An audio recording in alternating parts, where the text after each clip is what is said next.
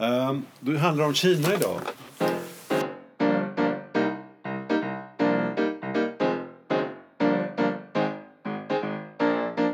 När jag tänker på Kina så har det i mitt medvetande genomgått många olika skepnader, många olika bilder.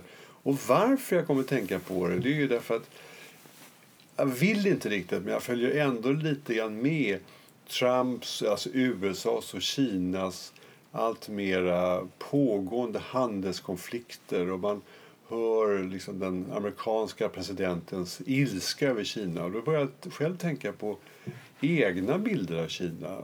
Mina första bilder av Kina, min styvmorfar som jag faktiskt inte hann träffa men som mamma och mormor berättade om sina år under mellankrigstiden framförallt som artilleriofficer i det gamla Kina. Och så kom han hem då och, och jag minns att mamma och mormor tyckte att han var en, en bra redig karl. Ja, mormor särskilt, hon gifte sig faktiskt med honom. Men en trevlig man som hade haft trevliga och spännande år i Kina kan man ju tänka sig. Och, och sen det här lite tråkiga som hände då att det blev någon sorts revolution i Kina som tvingade hem honom till till Sverige. Det var ju den första bilden. Han levde under då härliga omständigheter. Han hade fritt utrymme, han hade en position i den kinesiska armén. Han fick utveckla sina artilleri, artilleritalanger. Han skrev intressanta böcker om Kina. Så det var ju liksom en spännande bild av Kina som var mina första, första bilder. Och sen får man ju säga att den har eh, ändrats många gånger sedan dess. Det är intressant att se, se liksom sin, sin egen eh, hur, hur ens egna bilder ändras under åren. Ja, det är ju inte så konstigt, för Kina är ju ett extremt stort land. Otroligt framgångsrikt just nu. Men det, det har ju dessutom alltid varit mittens rike. Och vi har våra bilder av Kina. Det gamla historiska Kina som kunde göra saker. Porslin, sidentyger och sånt. Man handlade med Kina, man hade Sidenvägen. Sen kom de Ostindiska kompanierna.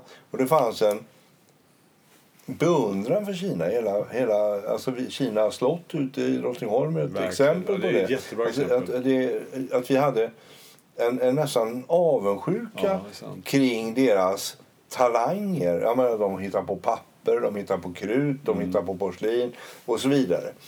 Och samtidigt så fick ju vi västerlänningar någon slags storhetsvansinnigt eh, kolonialt eh, komplex över att ja, här kan vi lägga under oss hela världen.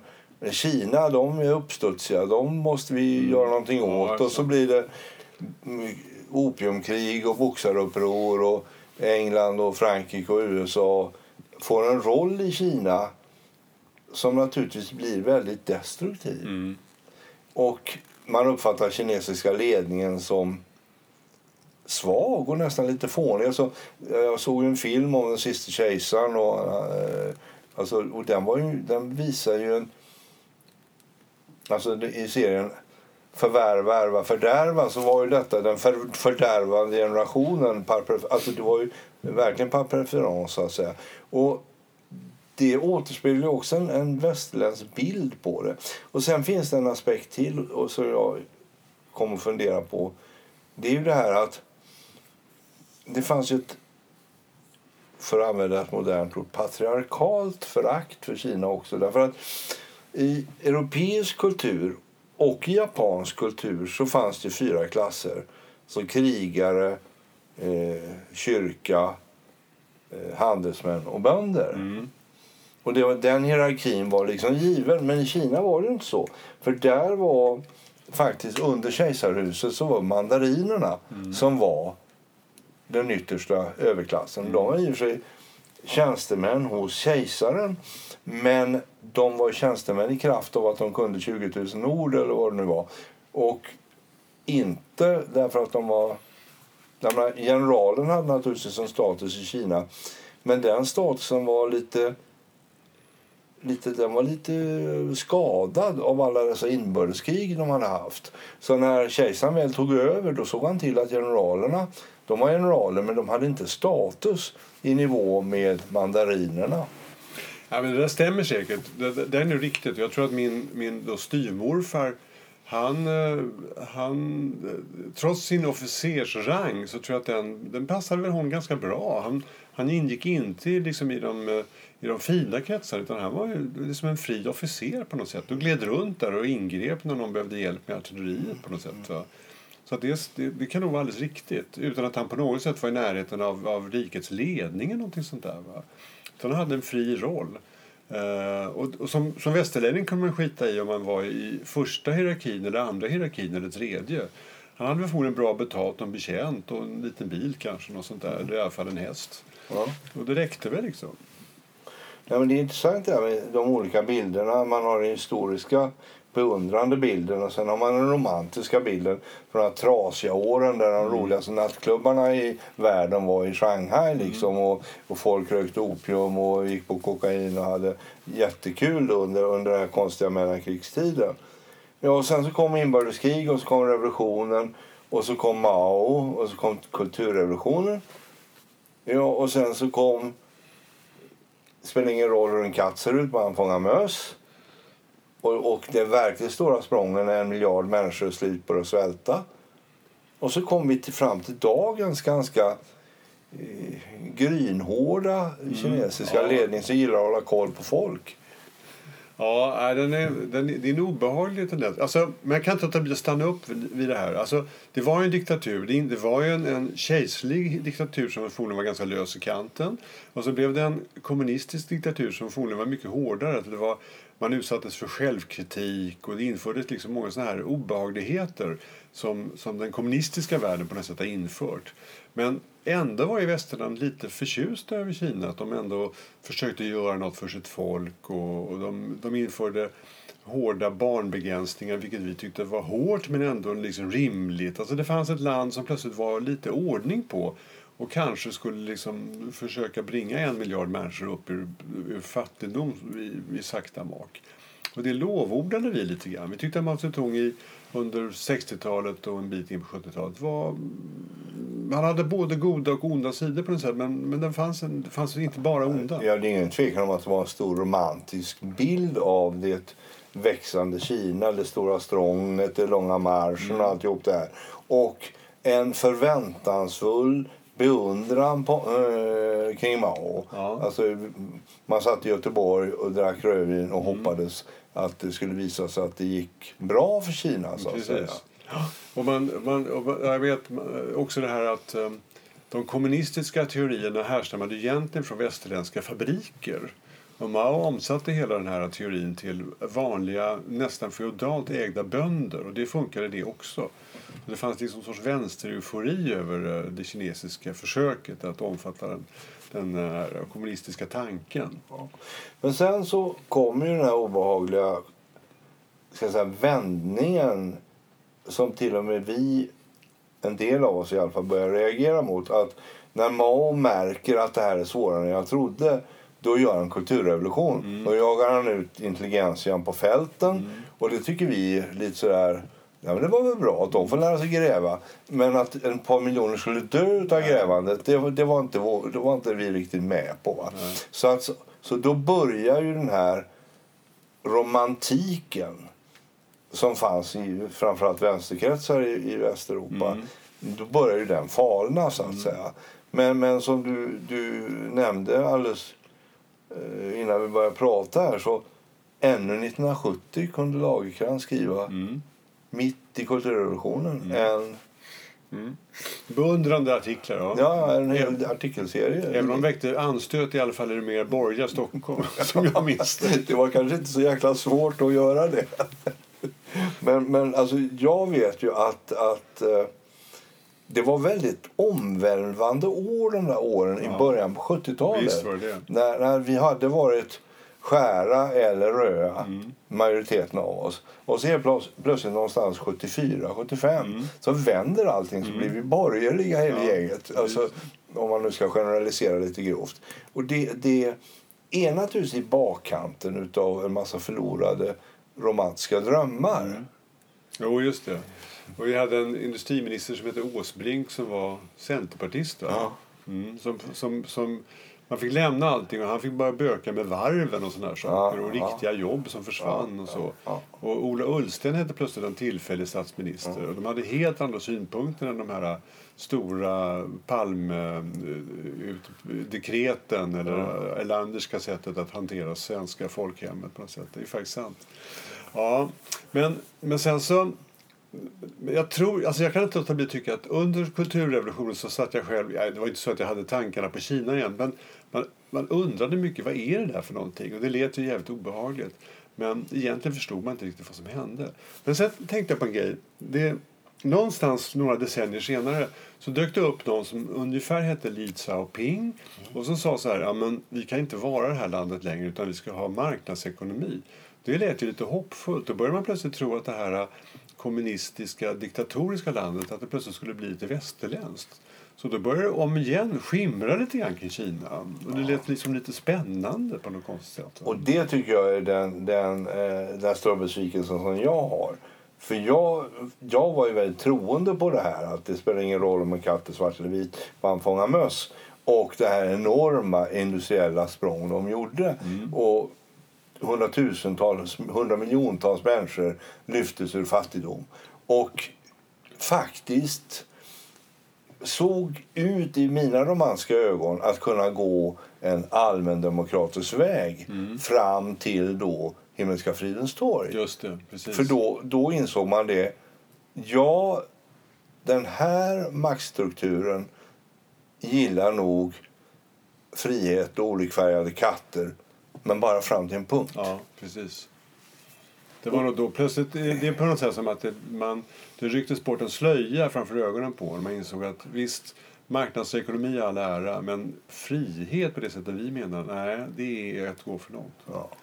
Och, och det är ju intressant att där har ju vi än så länge haft fel. Att det växande välståndet och den växande medelklassen och den stora kadern, det finns en miljon miljonä- miljonärer i Kina, att, att den inte har tagit större kamp för den personliga friheten. Och där kan ju finnas också en nationell kulturell bakgrund som gör att det kanske har en annan grogrund än den vi tror. så att säga. Det kanske är så att deras innersta längtan är inte total yttrandefrihet och pressfrihet utan det kanske minnet av svälten ligger så nära så att det viktigaste är att ha det bra.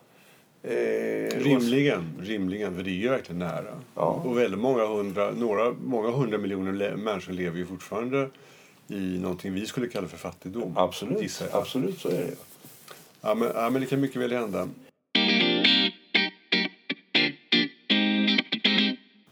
Det finns, uh, vad ska man kalla det för? Det finns andra bilder av Kina också som jag funderar över.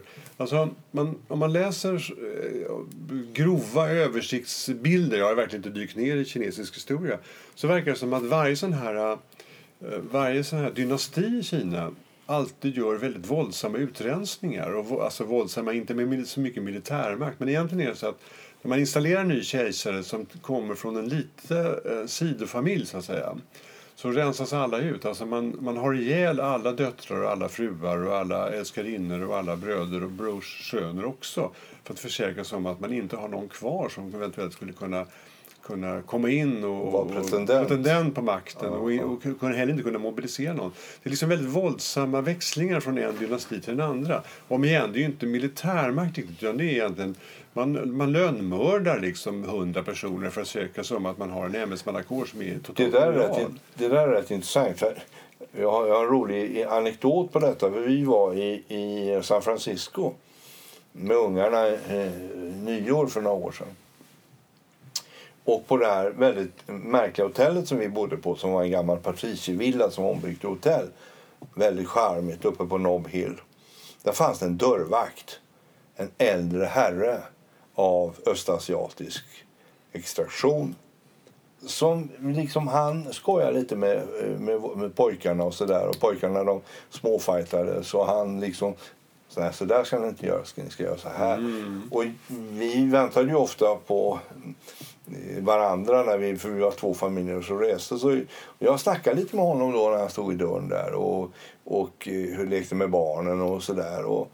Efter någon dag så kom man lite närmare varandra och så kom det ju då fram att han, han hade varit överste i, i sydvietnamesiska armén. Mm.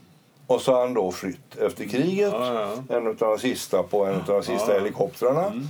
Och sen så hade han kommit till USA ja, och nu var han dörrvakt på det här hotellet. Mm. Och så allt i allo. Va? Och han berättade om sin familj. Ja, jag kommer ifrån en stam i eh, Vietnam som i 2000 år har varit livvakt åt kinesiska kejsaren. Aha.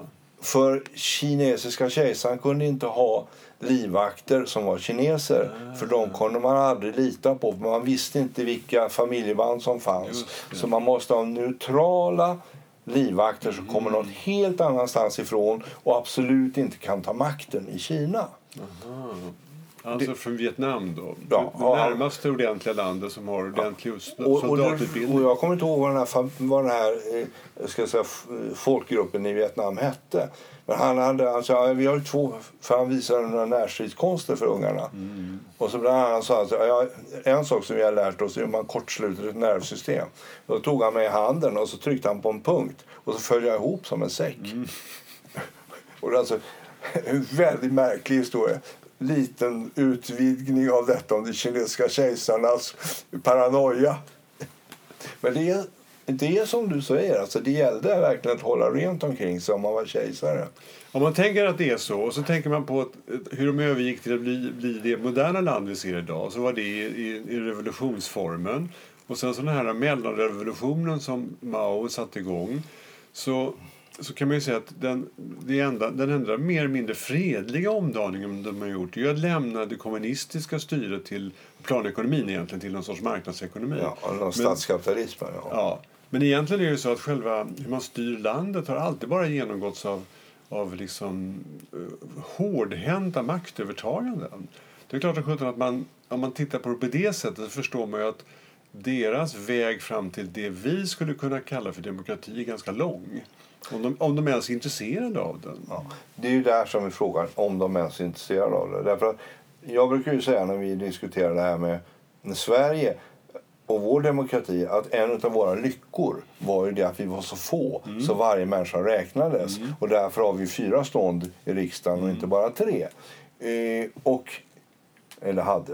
Och i Kina var det tvärtom. Mm. I floddalarna eh, var de ju flest människor redan på förmedeltid.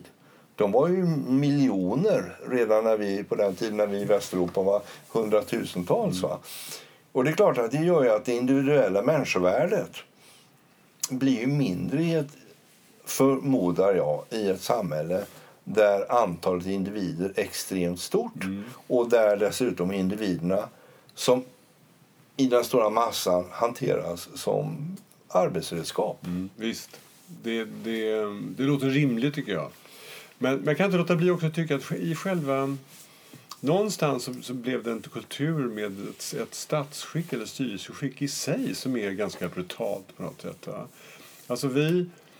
Det fanns inte maktdelning som vi tycker ändå är en viktig princip. Och det fanns, ja, just det, det här stånden som du pratar om, det, det spelar naturligtvis roll. För det är, där, det är därför maktdelningen behövs. Ja. Men det är också, du, du har ju rätt i det. Alltså, att få silkesnöre. Mm. Det betyder ju faktiskt att du av din chef fick en bok. I den bok låg det en silkesnöre. Mm. Det skulle du gå hem och hänga dig i. Mm. Det var en tunn tråd, mm. men sidan är starkt.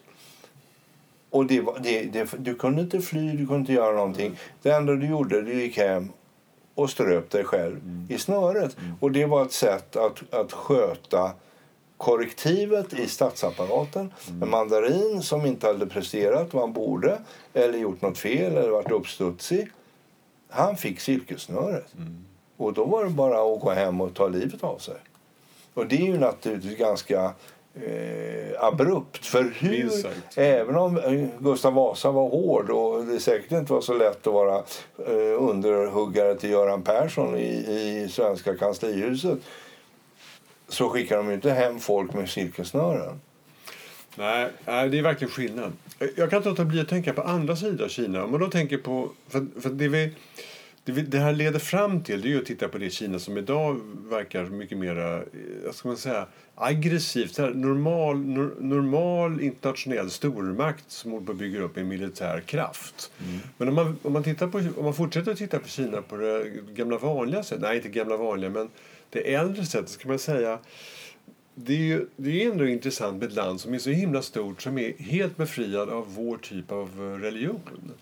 Att de lever i någon sorts, eh, ska man säga, de lever i en eh, andlighet som är sån här som väldigt upplysta västerlänningar kan tillåta sig. Att man har man tänker på sig själv och sitt eget inre och, och kroppslig balans och själslig förmåga. Och den, den stora heligheten är med att man kan alla sina tecken och man kan konstnärligt rita dem på vackra papper och sådana saker. Det är, det är väldigt mycket sånt som är, skiljer sig enormt mycket från den vår typ av religion eller, eller andlighet. Ja, det där är också väldigt intressant. Det med mm, altaret hemma är tillägnat förfäderna. Mm. Eh, man är kanske taoist, man kanske är buddhist. Men man är framför allt animalist. Alltså man mm. tror på andevärlden och mm. historien och framtiden. Mm. Men man har ingen... Alltså, Gud fader sitter på sin tron och pekar med hela handen. Det är, nej. nej. utan det är människan. Och finns det någonting som är ska säga, religionen så är ju statsreligionen att följa regelverket. Mm. Det gamla eh, ska vi säga, konfucianska regelverket det gamla taoistiska regelverket. Och, alltså, vi pratade om Jordan Peters för en Just. podd sen. Mm. Men, men det är ju så att, att, att Konfucius, eller Konfutse, han är ju någon form av Precis. förmedeltida Jordan Peters. Precis. Det är ju det han är. va? Livsregler finns Livsregler. Det. Och ja. de och vörda far och mor och ja. sådana saker. Ja, men det, det är verkligen... Har man en jätteland med jättemycket människor. Mm. Så det är väldigt bra livsregler som alla följer. Ja, och man skulle till och med kunna gå så långt att säga att det Kina har när det gäller andlighet eller religiös, religion är skulle vi i västerlandet egentligen må bra av att vi hade också. Vi har övergett tro, vi börjar sagt överge tron på att det finns en gud som har hand om allting. Men, men att behålla de här livsreglerna och en andlighet skulle ju, det söker vi ju. Vi upptäcker ju om och om igen att vi söker hela tiden. Och, och kineserna har det på något, på något sätt inbyggt i sin kultur utan att den är då eh, det är inte någon fader som pekar ner på oss från himlen, vilket vi inte tror på längre. Utan deras form av, deras form av tro skulle passa oss ganska bra. Ja, och, och jag tror att en av anledningarna till att de har miljontals människor i fångläger i Xinjiang är just det att de är väldigt bekväma med den här privata version, eh, versionen av andlighet mm. och fullkomligt livrädda för islam. Därför att islam, om, om kineserna är en ytterlighet åt ena hållet mm. och vi är någon slags mitt mm. så är islam en ytterlighet åt andra hållet. För den är verkligen teokratisk. Mm. Någon, så stor, någon så skillnad som mellan Iran och Kina det är ju svårt att se. Eller mellan Saudi och Kina. Alltså det ena är helt deterministiskt, Gud bestämmer allt. Mm. Den andra är här ser vi till att leva i harmoni med oss själva mm. och därmed med samhället. Mm. Och så vi någonstans mitt emellan, lite sökande. Ja, och, och det, det, där är faktiskt en vinkel på, på fånglägren som inte jag har tänkt förut. Nej, nej men jag förstår vad du menar. För därför, islam kan man säga de skulle uppfatta islam som ett eh, ett religiöst imperialistiskt Ja, ett existentiellt hot ja. för hela, hela det värderingssystem mm. som reglerar Han-Kinas mm. eh, ska vi säga, eh, bild av sig själv. Mm. Det är viktigt för dem att, eh, att slå ner på det. Ja, det är viktigt för dem att det inte kommer någon dömande gud som sitter där uppe och har koll på allting. Utan den Ja, kollen vill de, vill de ha själva. Precis. Om man, om man fortsätter då, om man tänker på det här. Och så, ja, men sen är också den här bilden av ur, ur, gamla Kina, så där de ostindiska kompanierna och porslinet och det vackra. Det är ju en, det är ju liksom en djup kultur som, som du sa tidigare som vi beundrar och beundrade mycket. Om man tar alla de här trådarna så, så tänker man, finns de i Kina nu? Därför det, nu, börjar, nu börjar man ju mer och mer se om vi läser om Kina i tidningen så handlar det om att de bygger, upp sin, de bygger ut sin flotta så den är nästan lika stor som Amerikas. Och um, de är aggressiva mot sina grannar i, i, uh, i haven utanför, alltså österut mot Japan och Filippinerna. Um, och att de, uh, ja, så att de, de ser, och, och sen så, så har de alltid eh, de har alltid krångel med eh, det som vi kallar för Formosa, Ta- Taiwan. Alltså, och så man vet inte riktigt, ska de invadera eller, eller ska de eh, låtsas, ska de bara ta över utan att vi märker? Eller vad är det som pågår egentligen? Ja, hur som helst, det är ett krigiskt land som har börjat få väldigt stora muskler tack vare sin ekonomiska mm, tillväxt. Eh, och, och då blir de här sakerna som vi har pratat om, då försvinner de. Alltså andligheten, eh, den, den urgamla konsten, Um, det, det, liksom, det interna, vad ska man säga, det, det introverta sättet att vara i Kina, det faller i bakgrunden på något sätt. Och de, de, ja, Vetenskapskina är inte heller någonting som vi ser. Ja. Det fanns ju ett aktivt beslut en gång eh, där den kinesiska kejsaren efter de kinesiska upptäcktsfärderna någon gång på 1500-1600-talet bestämde sig för nej, vi åker inte utomlands Nej, längre. Utan nej, är det någon som vill handla med oss får de komma hit med egna båtar. Vi, och det var några kineser som kom till, ända till Peru tror jag. Och några som kom till Västafrika. Mm. Men den amiral som drev det där, vars namn jag har glömt. Eh, han var den sista som Mm. fick åka omkring så där. Och det är klart att att då helt plötsligt bryta med allt detta och skaffa en högsjöflotta. Mm. Det, är, det, är, det är en stor kulturrevolution bara i det. Men för att komma tillbaka till det där. Har de kvar något av sin romantik kring sig själva? Mm. Jag tror det finns ett bra exempel på det. Och det är ju det att staden Göteborg byggde den där båten Göteborg. Som seglade till Kina. Ja. Som någon slags...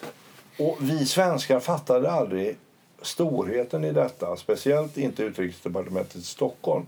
För det var ju ett Göteborgsinitiativ. Men alltså, det jag har förstått är det att, att vi svenskar visade Kina den stora vördnad inom citationstecken att vi bygger en rymdfarkost från för 300 år sedan och seglar dit med den för att visa hur viktigt det här var för oss för 200-300 år sedan. Det uppfattades som en enorm heder av kineserna. Kejsar, eller vad heter det, eh, partiordföranden kom till Göteborg och det togs emot. Och det var, alltså, sen att våra politiker i Stockholm inte fattade vad detta innebar och såg till att den här stackars Göteborgsbåten inte fick de pengar som de behövde långsiktigt. Det, det är en parentes. Va? Men, men alltså, det visar verkligen att de, och det har jag ju förstått också när jag pratar med danskar, att det faktum att Sverige och Danmark hade våra manufakturer i Kanton men vi var inte med i opiumkriget. Nej, det. Det, det har länt oss till stor heder. Och, alltså de, och att Sverige erkände eh, eh, Kina, den nya Kina först. och sådär. Alltså Det finns absolut en ska säga, historisk självbild som man uppskattar om folk uppskattar. Alltså, Mm, just det. Nej, men jag förstår. Det, och, och, och det är väl också så att mm, det, det, ska man säga, det där är ju en, det är ju en trevlig sida av moderna Kina. Ja. Man kan säga. Och när man, ju mer man tänker efter så inser man ju naturligtvis att ett land med över en miljard människor och, och som är så stort utbrett så är det klart att det är väldigt svårt egentligen att säga att det finns ett Kina. Förmodligen är det extremt komplext allting. Vi ser ju en ledare och, han, och, och även om de är mer ska man säga, homogena kanske än många andra väldigt stora länder så kan jag tänka mig att det är mycket mer komplicerat än vad vi egentligen ser eller tror. Och, och då, varför, varför jag säger så är så här. Det, här, det ostindiska skeppet visar ju att det finns ju naturligtvis krafter i Kina som förmodligen är bara vanliga och goda, eller man säger så. De är neutrala. De är, inte, de är inte diktatoriska, de avlyssnar inte folk hela tiden, de älskar inte hangarfartyg. Utan de är egentligen bara som folk är mest. De tycker det är trevligt med handelskontakter, de vet att det kan vara gynnsamt med förbindelser av den typen. Det är bra att, ha, eh, kunna, att kunna byta studenter med varandra. Kan man dessutom hitta en, någonting man kan köpa och sälja varandra så det är det bra också. Alltså ett, ett normalkina på något sätt. Va? Måste det finnas ganska gott om. Ja, det finns ju, finns ju säkert. Eh, problemet är väl bara det att alltså den förra ledningen i Kina de gjorde det där jättelyftet som gjorde att hundratals miljoner slutade vara fattiga. Man jagade möss oavsett färg om alla blev rika. Eller många blev rika. Men så uppfattar nästa generation ledning i Kina att det blev för mjukt, det blev för farligt. Och eftersom världen ändå alltid kommer att sluta i ett opiumkrig mm. så gäller det nog för oss kineser att höja statusen på militären och se till att vi har militär i paritet med USA och England och så vidare. Och någon form av inre rädsla. Så här, och fortsätter vi på den här vägen ja, då blir vi så amerikanska så amerikanerna tar oss. Eller, eller vad det nu kan vara som driver den här paranoian som de lider av nu. Att vi måste ha ansiktsigenkänning på 1,4 miljarder människor. Vi måste kunna åka till, eh, till Thailand och plocka upp eh, mm. människor som är andra länders medborgare mm. och sätta dem i fängelse. Mm. Och kommer det någon fåntratt till svensk utrikes eh, diplomat och har synpunkter på det så talar vi om för honom det här han är han-kines, han är en del av oss. Att han har råkat svenskt pass spelar ingen roll. Nej. Så åk hem och tig. Ja men, ja, men det är riktigt som du säger. Det är, det, är, det är nervositet kan man säga. För att de tar ju väldiga internationella risker med att bära sig åt på det sättet. De, deras anseende sjunker som en sten. Ingen kan ju tro på Kina längre om håller på så Nej, alltså framförallt i Afrika. Alltså jag pratade med en, en kompis som är gift med en, en, en eh, kvinna som kommer från Djibouti. hon beskriver det där med järnvägarna mellan mm. Djibouti och, och Addis Abeba som mm. bara kineser får jobba på. Mm. Och afrikaner de får åka med och betala men de får inte jobba där. och mm. så. Alltså, hon hade en extremt negativ bild av hur Kina konsekvent mutade alla ledare i Afrika på ett mm. sätt som citat, inte ens engelsmännen gjorde. Mm. Ja. Ja, men det är klart att då blir ju... Då, får, då skaffar de sig sakteliga, så sakteliga allt sämre rykte alltså. Men vad ska man göra åt det? Därför att det är ju ändå så att i den bästa världar så, bli, så falnar det här handelskriget mellan USA och, och Kina. Och så blir det mer handel igen. Och sen så blir den kinesiska medelklassen mera intresserade av yttrandefrihet och pressfrihet. Och så kommer nästa generation ledning i Kina att bli lite mer som den förra.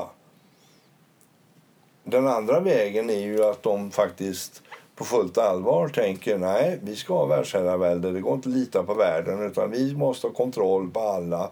Annars blir det ett opiumkrig igen. Så nu ska vi nu ska vi fasen med se till att bli störst, bäst och vackrast. Men är det inte så att om... om att det, det, det, det är naturligtvis extremt obehagligt om det skulle vara så. Därför att om det inträffar så kan jag tänka mig att Amerika kommer aldrig liksom tillåta det. Det kommer, det, det kommer tyvärr sluta i ett, i ett fasansfullt blodbad. Ja, det är ju det som är risken. Det är, det är ju det som är risken. Att, och det, att de senaste artiklarna om, om relationerna Kina-USA de börjar ju mer och mer tala om geopolitik mm. Och mindre om handelspolitik. Mm. Och det är klart att om USA känner sig på allvar utmanat av mm. Kina, framförallt Kina i allians med Ryssland då, som har något, alltså Kina har en jäkla massa atombomber men de har ju inte första slagskapacitet mm. som ryssarna har. Mm. Och, och, ja, det är klart att som amerikan så blir man nervös. Mm.